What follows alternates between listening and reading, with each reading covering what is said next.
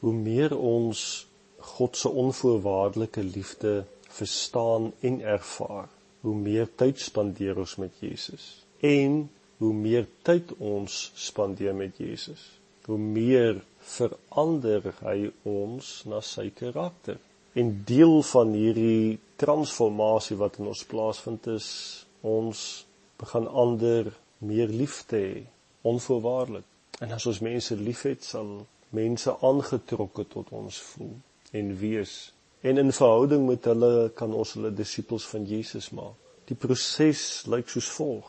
Ons gaan, let wel, ons gaan na aanleiding van die beginsels van Lukas 10 en dan vind ons 'n persoon van vrede. Met hom of haar deel ons ons persoonlike getuienis. Ons leer daardie persoon om 'n discovery Bybelstudie te doen en nooi hulle in 'n disipelmakende groep in.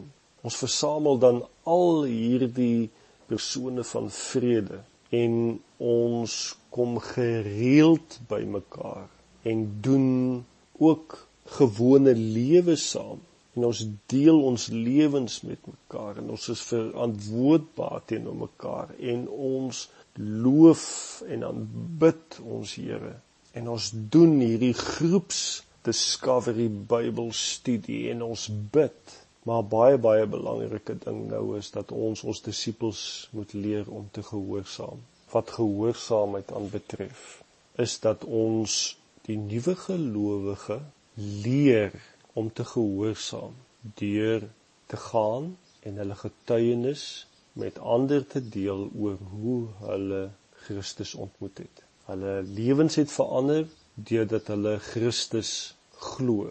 Leer daarom jou disipel om sy getuienis te deel op dieselfde manier soos ek jou voorheen ingehelp het om jou net weer vinnig te herinner in die eerste minuut deel hoe jou lewe was voor jy Christus ontmoet het. Wat 'n probleme jy gehad het, waaraan jy alles beland het, hoe jou leefstyl gelyk het, hoe jou karakter was, wat se uitdagings en krisisse jy gehad het. En onthou, moenie om al hierdie dinge te probeer hanteer in die eerste minuut nie, net so een of twee van hulle, maar dis baie belangrik. Jy's nie hier om mense te beïndruk of te spog oor hoe sleg jy was nie jy deel net feite. In die tweede minuut, hoe het jy Christus ontmoet? Hoe het jy by die plek gekom om in hom te glo? Wat het gebeur? Hoe het dit gebeur? Wie het wat met jou gedeel wat jou gehelp het? Weereens stel net die feite en in die derde minuut, hoe is jou lewe nou deurdat jy nou aan Jesus Christus behoort? Wat het verander? Miskien kan jy daardie voorbeelde wat jy gebruik het in die eerste minuut deur te sê hoe jou lewe was. Hoe het dit nou verander nou dat jy in Christus is en Christus in jou is? Deurdat jy dit deel met mense, openbaar jy die werklike verskil wat Christus in jou lewe maak. En jy help jou disipel om hierdie stap van gehoorsaamheid te neem deur sy getuienis voor te berei.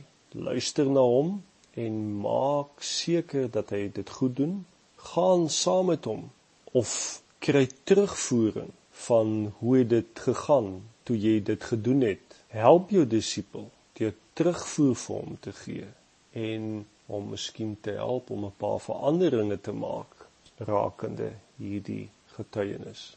Maar baie belangrik, jou disipel wat pas by Jesus uitgekom het, moet gehelp word om onmiddellik uit te gaan en met ander mense te deel wat verander het in hulle lewe en hoe hulle by Christus uitgekom het. Jy weet, gelowiges kan nie altyd 'n klomp teologie met mense deel nie, maar hulle kan verseker deel met ander hulle eie ervarings wat met hulle gebeur het. En die doel van hierdie deel met ander is nie om ander ongelowiges te oortuig hoe verkeerd hulle is nie, Dit het ook niks daarmee te doen dat jy al die vrae van ongelowiges wil beantwoord. Die doel is eenvoudig om persoonlike eerstehandse verslag te gee van jou ervaring. Dit is soos 'n ooggetuie wat 'n ongeluk gesien het en vir die polisie moet vertel. Jy vertel net eenvoudig wat jy gesien het vir die polisieman, wat jy gehoor het, wat jy ervaar het. En onthou, jou persoonlike getuienis is jou eie storie. Niemand kan daarmee stry nie. Ons lees daar in Lukas 8 vers 39 van die besetene van Gadara wat bevry is van die klomp demone. En dan het Jesus vir hom gesê: "Gaan nou terug na jou familie en vertel vir hulle alles wat God vir jou gedoen het."